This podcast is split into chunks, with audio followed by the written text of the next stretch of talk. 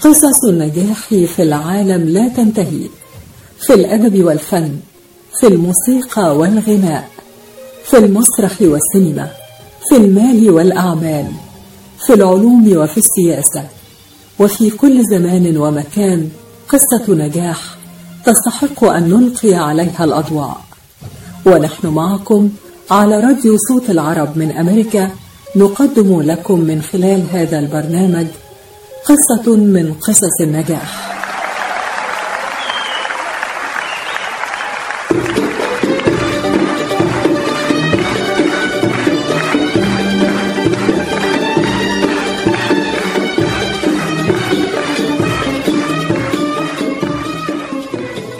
قصة نجاح.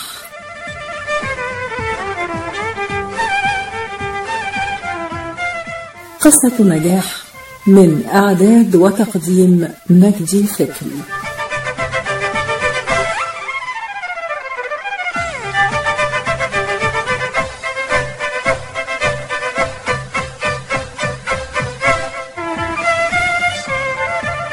مستمعينا الأعزاء مستمعي إذاعة صوت العربي من أمريكا في الولايات المتحدة وفي كل مكان من العالم أهلا بكم معنا في قصة جديدة من قصص النجاح.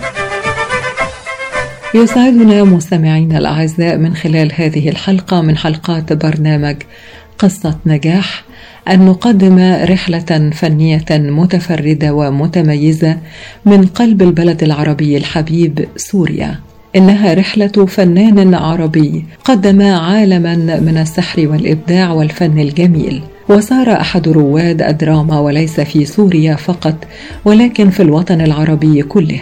إنه صانع البهجة الفنان السوري العربي الكبير النجم رشيد عساف. رشيد عساف ممثل سوري قدير. وأحد الفنانين المخضرمين من جيل الممثلين الذين شهدوا مراحل تطور الدراما السورية وقد استطاع رشيد عساف خلال رحلته الممتدة والتي تقترب من خمسين عاما من الفن والدراما والإبداع أن يقدم عشرات وعشرات الشخصيات وأن يلعب العديد والعديد من الأدوار المتنوعة. فقد قدم الأدوار الدينية والسياسية والاجتماعية والتاريخية والكوميدية والأدوار البدوية والشعبية وأصبح بكل هذه الأعمال التي قدمها للسينما والمسرح والتلفزيون أحد نجوم الدراما العربية في سوريا والوطن العربي. ولد الفنان رشيد عساف في سوريا في عام 1958 وكان ينتمي إلى أسرة متوسطة ماديا وعرف بموهبته ومحبته للفن منذ طفولته وكان حلمه دراسة الإخراج في إيطاليا لكن سوء ظروفه المادية منعه من ذلك. وفي مراحل دراسته الأولى كان عضوا في فرقة المدرسة الفنية وشارك بمسرحياتها وكانت بداياته الحقيقية في المسرح الجامعي في أوائل السبعينيات. والذي صار من أبرز نجومه ثم انتقل للعمل في المسرح القومي وقدم مجموعة من المسرحيات. كان من بين الأفلام القصيرة التي شارك فيها فيلم الأرجوحة في عام 1976 وكذلك فيلم اللعبة وكان الفيلمان من إخراج هيثم حقي.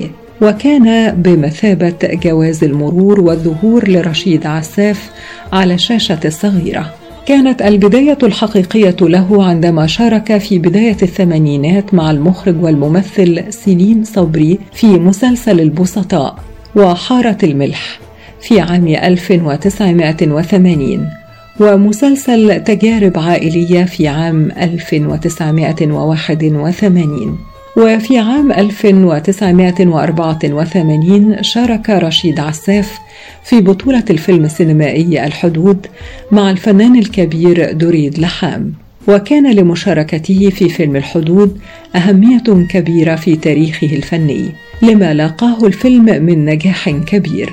وفي نفس العام شارك أيضا في فيلم أمطار صيفية. وفي عام 1986 شارك في عدة أعمال منها مسلسل الدروب القصيرة وداعا زمن الصمت. برز في العديد من المسلسلات الفانتازيا التاريخية وكان من أهم أعماله مسلسل صراع الأشاوس ومسلسل البواسل ومسلسل الفوارس ونالت هذه المسلسلات صدى كبير في فترة عرضها.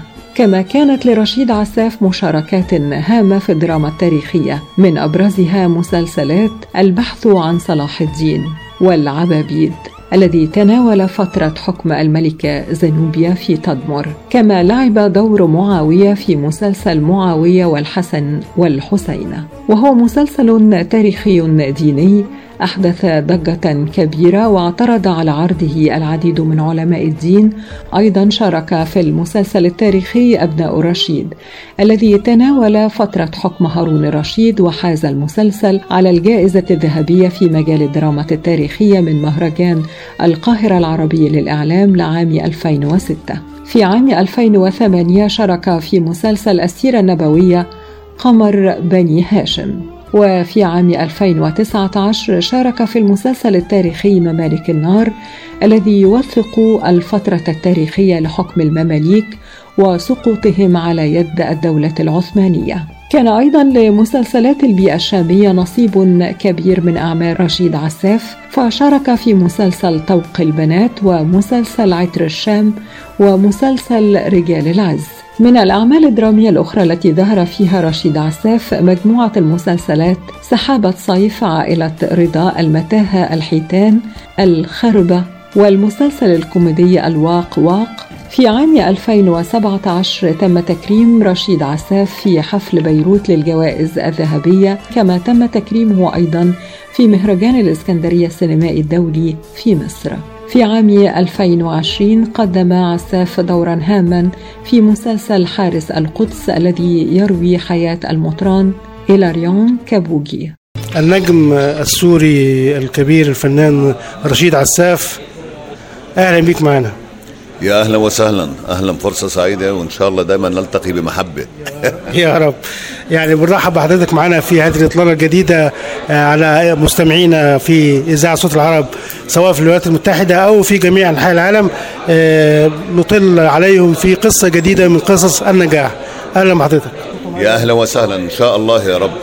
وبيشرفني صوت العرب هي صوت هي صوت العرب الحقيقي يعني. صوت العرب هي صوت كل عربي شريف وكل عربي مخلص ومنتمي حقيقة لهذه الأمة. الفنان والنجم السوري الكبير الأستاذ رشيد عساف أهلا بك معنا في هذا اللقاء وسعداء بوجودك معنا اليوم في هذه الحلقة. ودعنا نبدأ رحلتنا بالحديث عن النشأة الأولى. وطفولتك في سوريا التي تعشقها كثيرا. أنا أنا من الجنوب السوري. يعني أنا قريتي ما بين درعا والسويدة على الحدود الأردنية ولكن أنا كل طفولتي أنا قريتي اسمها شبيب. أنا أنا أنا طفولتي كلها في دمشق وحتى ال ال كنت من الناس يعني اللي بيقولوا المكافحين أنا وأخواتي. يعني ندرس ونبيع في الشوارع وكذا حتى نعيش. فنحن من طبقة أقل من الوسطى الآن وسطى. وهلا حتى بسوريا أو بكل الدول العربية ما عادش في طبقة وسطى دمرونا. يعني وضع اقتصادي لغى الطبقة الوسطى والطبقة الوسطى إذا إذا التغت من المجتمع التغى الهيكل كله في المجتمع التغت الدولة كلها.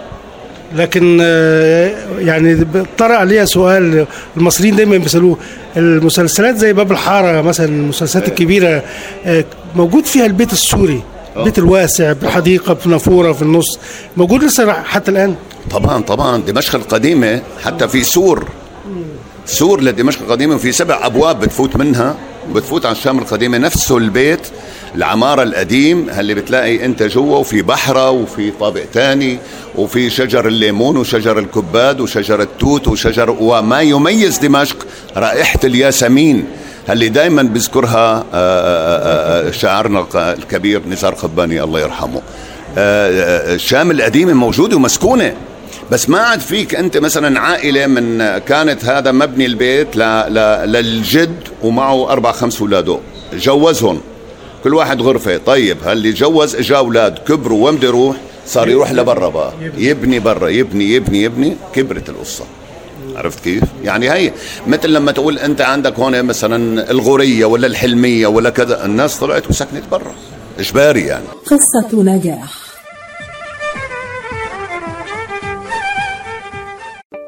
حافظوا على صحتكم بالتصدي لكوفيد 19 وأيضا بمواجهة مرض الإنفلونزا الذي يصيب الملايين من الأشخاص معرضا أرواحهم ونظام الرعاية الصحية بأكمله للخطر.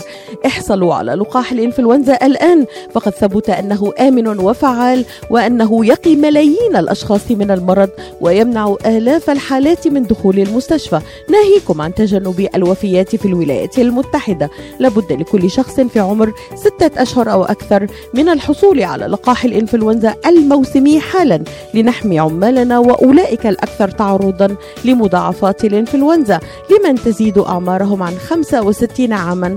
الأطفال دون الخامسة النساء الحوامل ومن يعاني من ظروف صحية خاصة ساعدونا في مواجهة الإنفلونزا والقضاء عليها. احصلوا على اللقاح لحماية مجتمعكم وأحبابكم. لمزيد من المعلومات زوروا موقع michigan.gov/flu رسالة من وزارة الصحة والخدمات الإنسانية في ولاية ميشيغان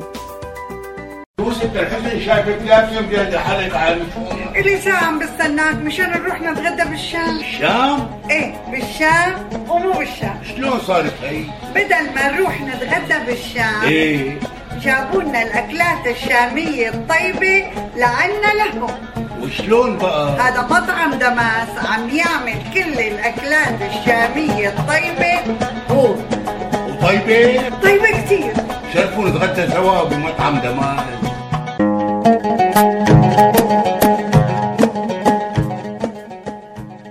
الأكل الشامي الأصيل فقط ب Damas Cuisine زوروهم على 28841 Orchard Lake بفارمينغتون هيلز.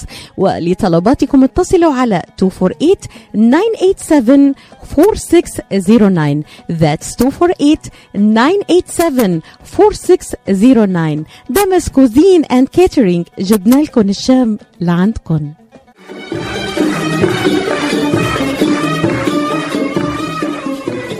قصة نجاح.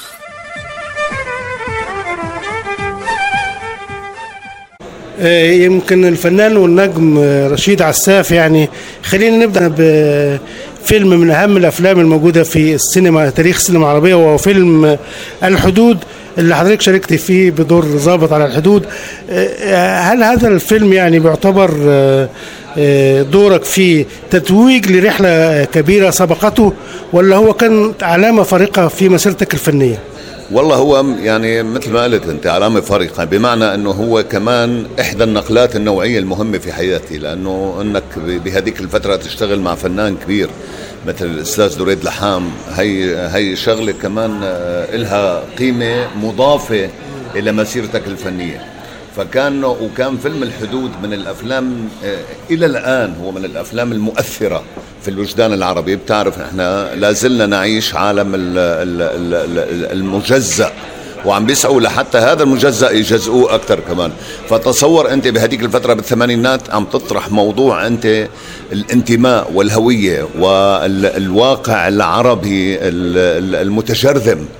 ولا زلنا متشردمين حتى الآن. فالفيلم هون أهميته أنه الموضوع آه، شمولي والموضوع يعني لا زال آه، وليد الساعة. يعني لا زال إلى الآن حامي. شو ما حكيت أنت في عملية انتماء ال- المواطن العربي لوطنه وهذا المجزأ هذا لحاله آه، بالنسبة لنا وهذا وهذا كلياته وضع خطير جدا. كلياته إنه آه، تحكم آه، استعماري استيطاني غربي فيك من 2000 عام إلى الآن يعني من من من فترة الحملات الصليبية إلى الآن. فأنت بواقع بواقع مجزأ. اشتراكي بهذا الفيلم قلت لك بعتبره أنا نقلة نوعية. لأنه كنت عامل أعمال مهمة جدا وهذا اللي لفت الأستاذ لوريد والجهة المنتجة إنه هذا الدور لرشيد عساف اللي هو رئيس دورية شرقستان. إلى آه، مقابل رئيس دورية غربستان اللي كان هاني الروماني الله يرحمه. آه، طيب خلينا بقى نسمع الأغنية الشهيرة بتاعتكم آه، أغنية الحدود آه، حضرتك والدورية. والدورية إيه.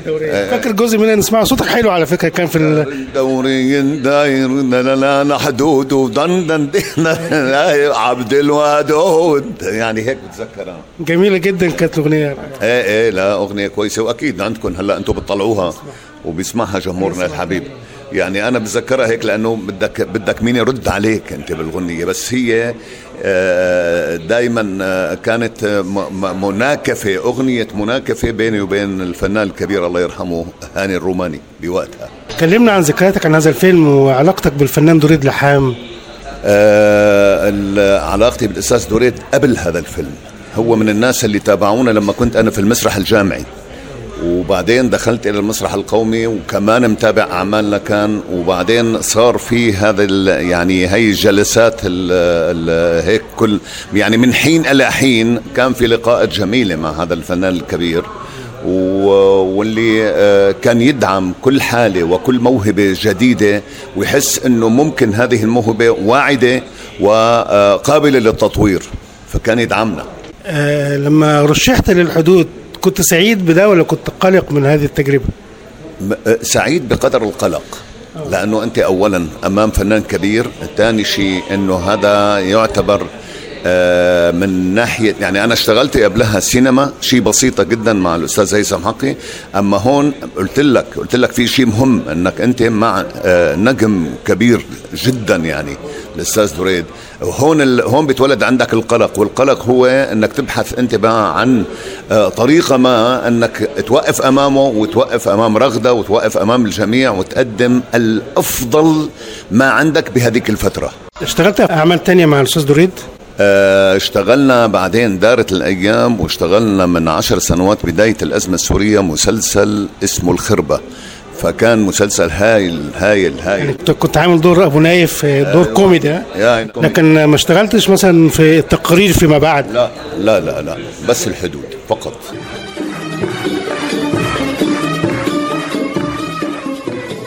قصة نجاح.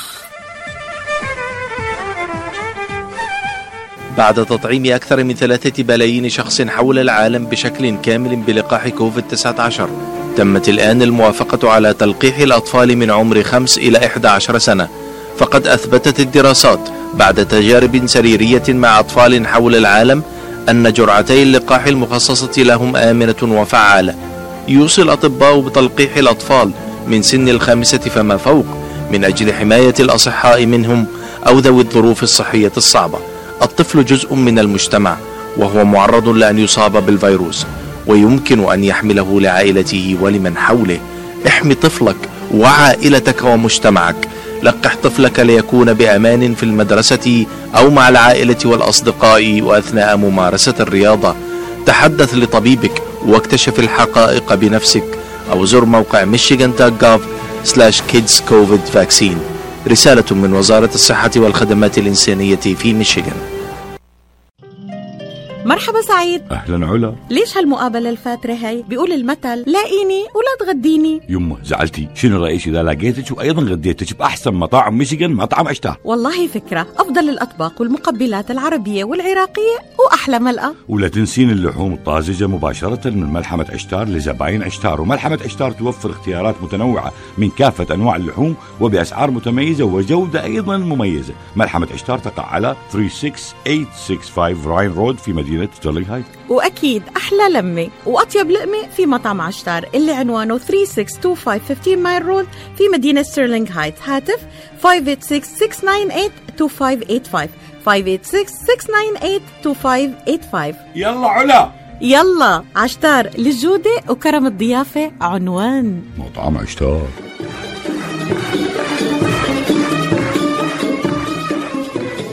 قصة نجاح. الفنان النجم الأستاذ رشيد عساف يعني قدمت الكثير من الأعمال التاريخية زي أبناء الرشيد وعملت دور هارون رشيد في الفيلم والبحث عن صلاح الدين وغيرها. آه، كيف ترى الأعمال الدرامية التاريخية وتأثيرها على المشاهد؟ وهل هناك ملامح شخصية للممثل الذي يتصدى لعمل تاريخي؟ شوف أنا أنا من النوع يعني أنا من من الفنانين اللي أه بحب دائما أه أشتغل أه بتاريخ م- موثق حقيقة ولكن أه اكتشفت بعد تجارب طويلة من الأعمال التاريخية أنه التاريخ لا يكتبه إلا المنتصرون. من هون بتحس أنت أنه ممكن ما يكون آه، كله موثق حقيقة وكله آه، في آه، عمق وصدق بتناول آه، آه، هذه الفترات القديمة. لذلك صرت صرت أنا أحب أكثر آه، نوعية الأعمال الافتراضية. انك انت تعمل سموها بفترة الفانتازيا بس هي لا عمل افتراضي يحاكي التاريخ. فمثل مثل مثلا مسلسل البركان لما اشتغلته الجمهور يفكروا واقعي. كان شخصيتي اسمها ورد يفكروني عروة بن الورد. بس هو لا هو عمل افتراضي من خيال الكاتب الأستاذ هاني السعدي الله يعافيه. آه هون بتحس انك انت ككاتب معاصر قادر انت تعمل محاكاة مع التاريخ بطريقة انك تخدم الواقع. أنا أنا ليش عم بقدم التاريخ؟ حتى اعتبره أنا درس إلي. تاريخ بستقية أنا لا درس إلي. طب آه، تاريخك يعني نسبة كبيرة منه آه، فيه فيه آه، يعني فيه تشويه أو فيه عدم صدقية. ليه؟ لأنه قلت لك أنا التاريخ دائما يأتينا من البلاط ما يأتينا من من الطبقات يعني. فشو مدى صدقية هذا التاريخ؟ هي هي تماما يعني. ولكن أنا بحب دائما إنه حتى شخصيات تاريخيه كهارون رشيد وكذا إنه أنا أتمثلها وصدرها كرشيد عساف من خلالي كشخصية. ب- وبحاول إنه دائما أعطيها آه، نفس حياتي بسيط آه، آه، متداول يوميا وبنفس الوقت إنك أنت تعطيها الكثير من العقلانية لحتى المشاهد يحترمك أكثر. لكن ترشيحك لأكثر من عمل تاريخي زي ما قلنا زي ما سألت حضرتك بتبقى في ملامح شخصية لل- للممثل الكاركتر القوة الشخصية الشكل. إيه بيلعب دور كبير. بيلعب دور كبير آه، طريقة الأداء صوتك آه، طبقة صوتك آه، تفاعلك مع الحدث وبالوقت نفسه الوش والعيون. العين دائما بنقول عنها مغرفة الكلام. فأنت بنظرة لوين بدك إياه. بعدين الشخصية والبادي لانجوج لغة الجسد كتير هي بتأثر بتناولك كممثل لأي شخصية تاريخية بيلعب دور كبير. فمن هون بيجي المخرجين أو الكتاب بيقولوا لك مثلا فلان آه، يعني بتحس أنه قابل ليكون آه، هارون رشيد قابل ليكون معاوية قابل ليكون حمزة عم الرسول صلى الله عليه وسلم قابل قابل يعني الشكل بيساعد جدا بالإضافة لأنه بده يكون عندك هذه القدرة التمثيلية هذه الموهبة المتجذرة على أنك أنت آه، تطبخ الشخصية وتطلعها بلبوس مختلف عن ممثلين آخرين كل ممثل بيشوف الشخصية من طرفه وكيف بدك تطلعها. لا يمكن تجي تعطي مثلا هارون رشيد حتى لو تاريخيا إنه والله قالوا لك طوله متر وربع. يعني تع- تعطيه لحدا آه، ما يقدر يحقق هاي المعادلة. أكيد. أستاذ رشيد لما بيجي لك آه، دور تاريخي آه. بتقبله على الفور كده بتكون سعيد ولا الأول لازم تقرأ النص والسكريبت يعني؟ اولا آه، بقرا الشخصية بشكل دقيق جدا وبنفس الوقت بدي أرجع تاريخيا جيب مراجع و... لكن أنا بتكلم عن مبدئيا متوافق مبدئيا بدون شرطه لا، وقيد ولا لا؟ لا لا لا. ما, ما لا. لأنه في شخصيات ما تركبش علي. ربما ك physique ربما ك ك كحضور يعني م- مش عارف آه، ماني عارفان شو بدي أقول لك ولكن يعني ما عم يعني تناولي لشخصيه تاريخية. ربما بده واحد physique ه مختلف عن physique ي شكله مختلف صوته مختلف هي وحدة. ولما أقول okay بعدين بدي أعرف إنه هذه الشخصية التاريخية هل تخدم توجهنا المعاصر ولا لا؟ هذا مهم جدا. طبعا. فمن هون بقى من هون بقى ب- إذا وافقت برجع بقى لتاريخ هذه الشخصية بقى- حتى يعمل إحاطة. لكن بدي أعمل. إحاطة. أنا مثلا أخذت مثلا اشتغلت في مسلسل البحث عن صلاح الدين شخصية صلاح الدين. وكان اسمه البحث عن صلاح الدين مش عم ببحث عن حياته.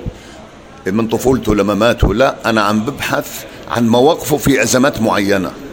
عن مواقفه بمجيء الصليبيين للمنطقة على مواقفه لما جاء مصر وتعين وزير بزمن الدولة الفاطمية وكيف بعدين آه، كان له آه، تأثير كبير بالقضاء على الحضور الفاطمي في مصر آه، عرفت كيف؟ من هون بقى بدي أشوف أنا شلون بدي ألعب الشخصية كيف بدي ألعبها؟ كيف أنا بدي أحسس الفاطميين إنه أنا جزء منكم وبنفس الوقت ممكن إنه وصل لمرحلة دمر هذه الدولة الفاطمية وكان وقتها بالاتفاق مع مين؟ نور الدين زنكي في سوريا. موجود يعني. ولصالح مين؟ لصالح السنة والجماعة. خلينا نطلع فاصل يعني وناخذ عمل مع ملك ولا نسمع أغنية؟ والله يا ريت أغنية بس نريح الجمهور شوي. بتسمع إيه لما تكون أي أي شيء جميل. أي شيء بيختاروه ويكون جميل وممتع وال وال والأذن تعشق قبل العين أحيانا. خلينا من جينا للفن المطربين السوريين اللي بيمتعوك أكتر. أنا بتمتعني ميادة حناوي أنا بعشقك. قصة نجاح.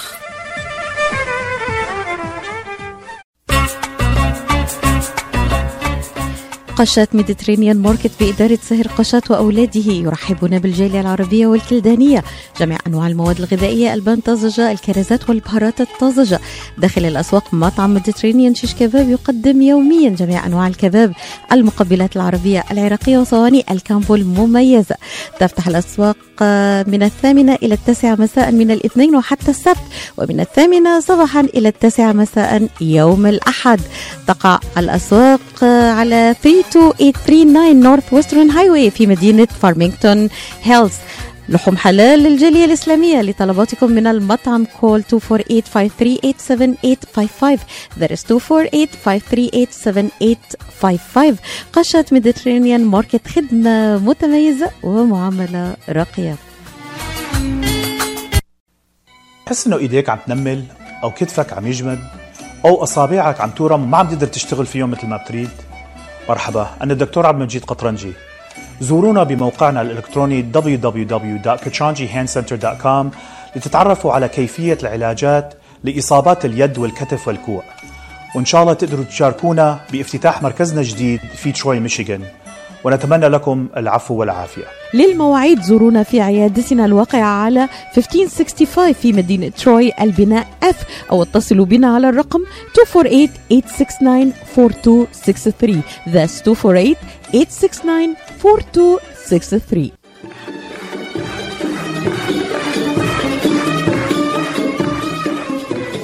قصة نجاح. الفنان السوري الكبير النجم الأستاذ رشيد عساف كما شاركت في الأعمال التاريخية أيضا حضرتك شاركت في أعمال دينية كثيرة زي الحسن والحسين زي قمر بني هاشم وبيوت في مكة كلمنا بقى عن أدوارك الدينية واختياراتك بتكون مؤسسة على بناء على إيه؟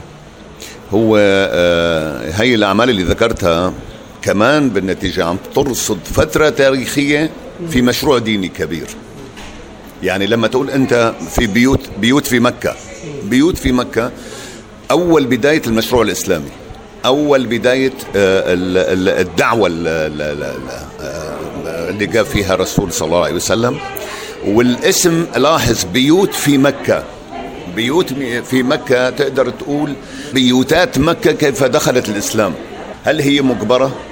هل هي مجبرة يعني دخلت الإسلام؟ أم هناك يعني شيء من الخيار؟ يعني أبو سفيان مثلا كيف دخل على كيف دخل إلى الإسلام؟ كيف اسلم وكيف كيف دخل؟ كيف اقتنع بهذه الدعوة الإلهية؟ كنت عامل دور إيه أنا عام يعني ابنه لسهيل بن عمرو وقتها. هذا الحكي من زمان. فمن أهم الأعمال بيوت في مكة جميل كتابة الدكتور وليد سيف. والدكتور وليد سيف من من أجمل الكتاب اللي تناولوا حقب تاريخية وحقب دينية معينة. بيجيك مثلا معاوية والحسن والحسين حتى انعرض في في في كذا محطة في مصر انعرض حوالي 11 محطة في مصر. كنت حضرتك عامل دور معاوية كمان. أنا معاوية. ولأول مرة يظهر على الشاشة معاوية ولأول مرة يظهر الحسين والحسن. الحسن والحسين لأول مرة بيظهروا. لذلك في صار في إشكال مع آه عمل ضجة. لا كان عمل ضجة وصار في إشكال مع الأزهر صار في إشكال مع آه دار إفتاءات آه عربية كثيرة وفتنا بحوارات والحمد لله وصلنا إلى قناعة إنه ليش ما يكون عندنا الجراه فعلا نحن آه، بعد مرور 1400 سنة على الدعوة الإسلامية أو بعد 2020 سنة على الدعوة المسيحية وال 5000 وكذا على الدعوة اليهودية أنك أنت آه، تعمل هذا الحوار الجميل اللي بشكل آه، دعم للقناعة قناعة الإنسان اللي أسلم قناعة الإنسان اللي تمسح قناعة الإنسان اللي تهود مش غلط هذا الموضوع. هو طبعا الازهر كان بيمنع ظهور الصحابة في الاعمال طبعاً. الدراميه لكن أعتقد بعد فيلم الرسالة آه. آه،. للعقاد آه، يعني صار في كسر القاعدة نوعا ما الآن آه، الآن كان في في في آه، يمكن رغبة أنه آه، يشتغلوا آه، يمكن فيلم بميزانيات كبيرة إحدى الشركات العربية. عمل فيلم عن سيدنا يوسف آه، اللي هو آه طبعا طبعا. الإيرانيين شوف الإيرانيين الإيرانيين متجوزين هي شو اسمه. وعندهم عندهم أعمال يعني النبي يوسف آه، فاتوا فيه بقوة. وشفت قديش انعرض وأعجب الناس. ما هو أنت آه، ليش أحيانا ممنوع إنه يظهروا الصحابة أو يظهروا كذا كذا؟ خوفا من إنه آه، آه، آه، أنك أنت تطلع الشخصيات شوي ولا بد مش كويسة. آه، تكسر هذه الحالة الإيمانية عند الناس بقناعتهم في هذه الشخصية من الصحابة أو كذا. شوف أنت مثلا الرسومات رسومات خذ الرسومات عند المسيحيين مثلا. خذ في الكنيسة المشرقية بتلاقي الصور اللي رسمين فيها السيد المسيح عليه السلام. بتلاقيها صور سوريالية مش واقعية. عشان انت ما تشوف له ما, ما تشوف له مثيل على الواقع. فأنت أخذت هذه لكن آه، بعكس الغربيين بعكس مايكل أنجلو. هذاك لا قرب على الواقع أكثر. هم فهمانين الموضوع كده. بس عندنا نحن ببلادنا ببلاد الشام مثلا وبالكنيسة ال- ال- المرقصية في في في مصر لا أخذوا الموضوع شوي سريالي لحتى يبقى في حاجز بينك وبين هذا التاريخ. أو بينك وبين هذه الشخصية حتى لا تتمثل. شوف أنت بالأفلام ما حدا تجرأ مثلا عربيا يعمل شيء عن المسيح أو يعمل شيء عن الأنبياء حتى ما يصير في تحسوا إنه لأنه ال- ال- أنا بعتبر النبي فكرة. هو فكرة. هو هو نبي وبنفس الوقت رسول. وبدنا نفرق ما بين النبوة وما بين الرسالة. حتى في القرآن الكريم بيقول يا أيها النبي. في القرآن الكبير بيقول بلغ. بلغ معناتها رسول. فأنت رسول. عرفت يعني مهمتي أنا البلاغ. المهم هذه الأعمال يعني كانت أعمال جميلة جدا. في آه، عندي عمل قمر بن بني هاشم. اشتغلت دور حمزة عم النبي صلى الله عليه وسلم ومن الشخصيات المهمة والعمل لاقى نجاح كبير. وهو كان من إنتاج محطة ساهور في السودان الشقيق. تصور. آه، آه، اهتموا بالعمل والعمل عقلاني. يعني أنت أوكي ما بتفوت يعني ما بورجيك لأنه تعودنا نحن آه، إذا بدنا آه، آه، نحكي عن الدين بنفوت بنحكي عنه بطريقة استلابية حتى تخلق حالة روحانية. لا هون في حالات عقلانية إنه أنا أسلمت. ليه أسلمت؟ لقناعتي بواحد اثنين ثلاثة أربعة. مش أسلمت لأنه كذا. هلأ طبعا نحن كلنا مسلمين. كل الأديان هي إسلام. وبتشوف أنت يعني في في آيات بتجي أيها المسلمون آيات بتجي أيها المؤمنون. والمؤمنات. بمعنى من آمن بالله وبالقرآن وبرسوله واليوم الآخر. فهذه الحالة أنك تقدم الدين أنت بطريقة معاصرة جميلة وتحسس الناس قديش أنت بحاجة لدين آه، على الأقل آه، آه، يغلف لك حياتك القاسية ويخفف لك هذا الإحساس أنك عايش أنت في غابة. ما فيش يعني شرائع القتل خلص أنا مبعدها وفايت أنا بالنتيجة بفعل الخير في الحياة حتى أبني لنا أبني لي بيتا في ملكوت السماوات. قصة نجاح.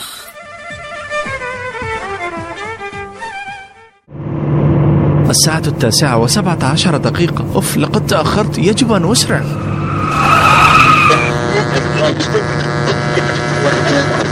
هل تعلم أنه مع تجاوز السرعة المحددة تزداد مخاطر الاصطدام وربما تحصل على مخالفة باهظة التكلفة أيضا؟ خلال عام واحد وقع 22 ألف حادث اصطدام بسبب السرعة في ميشيغان مما أسفر عن 200 حالة وفاة ماذا؟ كيف عرفت أنني مسرع؟ ثم لو لم أكن لوحدي في السيارة لما أسرعت هل تعلم أيضا أنك بسبب السرعة تعرض حياة الركاب والمشاة الآخرين للخطر بما فيهم الأطفال والحيوانات؟ كيف تعرفين كل هذه الأشياء؟ إني أعرف كل شيء. كيفن؟ كلما زادت سرعتك فوق الحد المسموح به كلما زادت مخاطر ارتكابك للحوادث خفف السرعة. هناك من يراقب سرعتك الآن. رسالة من مكتب تخطيط سلامة الطرق السريعة في ولاية ميشيغان. العطاء قصة رائعة. بدايتها إنسان يهتم ونهايتها إنسان يحتاج. مؤسسة الحياة للإغاثة والتنمية ومنذ أكثر من 25 عاما تحمل عطاءك إلى من يستحقه ويحتاجه. بغض النظر عن الجنس أو العرق أو الدين فأينما تكون الحاجة تجد الحياة تقدم المساعدة الطبية والملاجئ وبناء المدارس والأوار الارتوازية وبرامج كفالة عوائل اللاجئين والأيتام وغيرها حسب الحاجة. للمساعدة في استمرار هذا الجهد الكبير امنح تبرعك المعفى من الضرائب اليوم إلى منظمة الحياة للإغاثة والتنمية عبر الموقع www.lifeusa.org أو الاتصال على الرقم المجاني 1-800-827-3543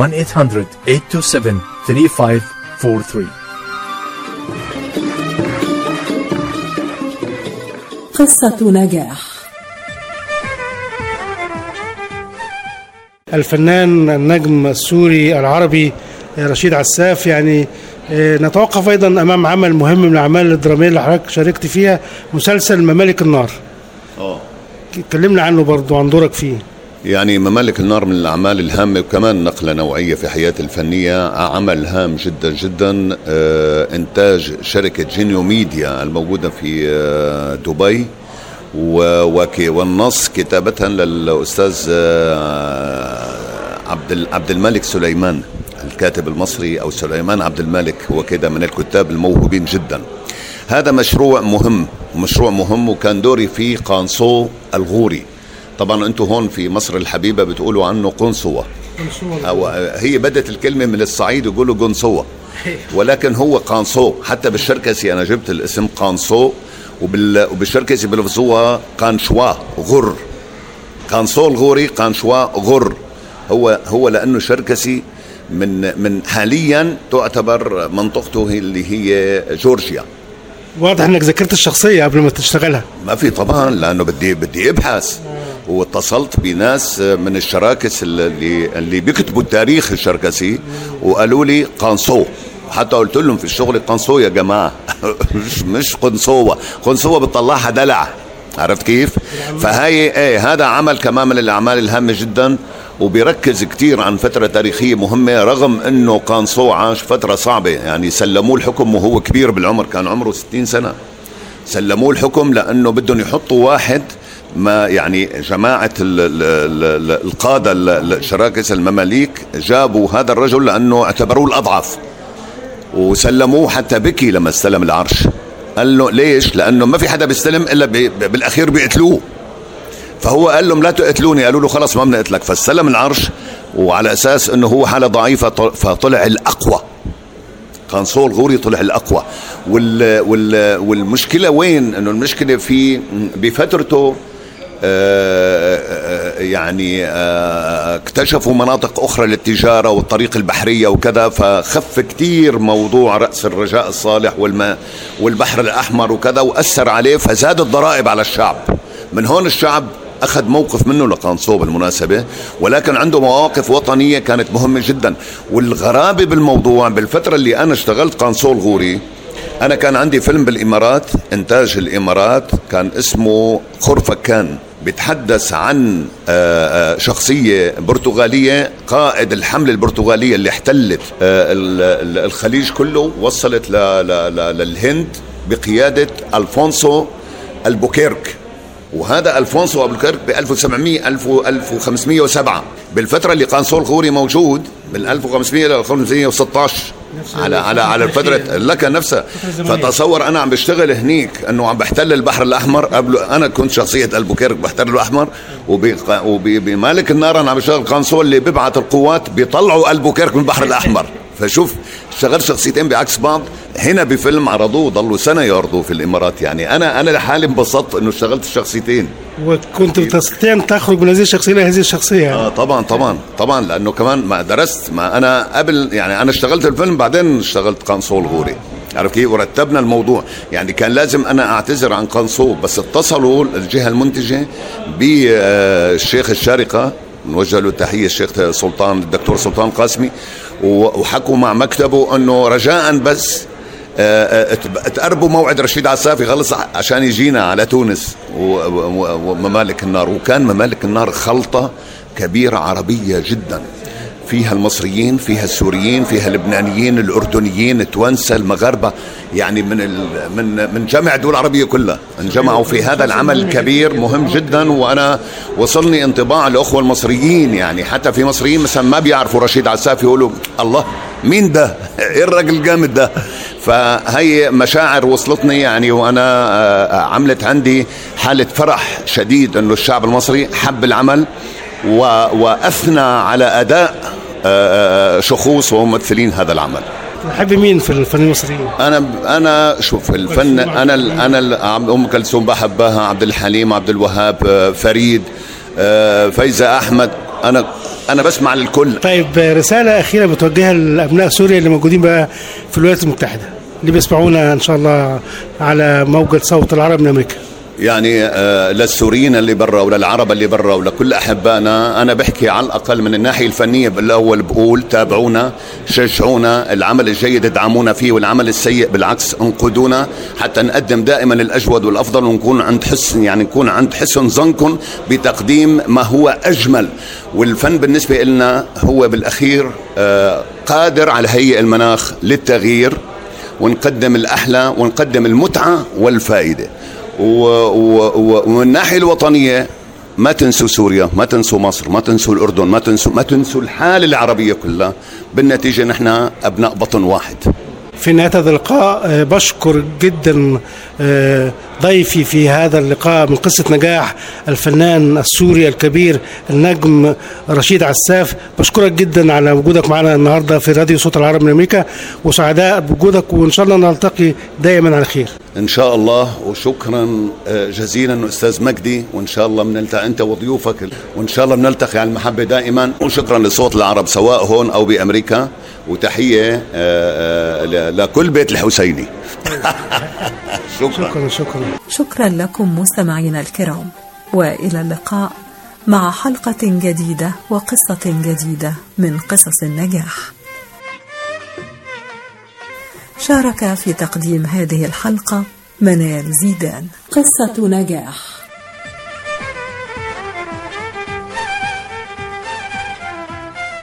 قصة نجاح من إعداد وتقديم مجدي فكري.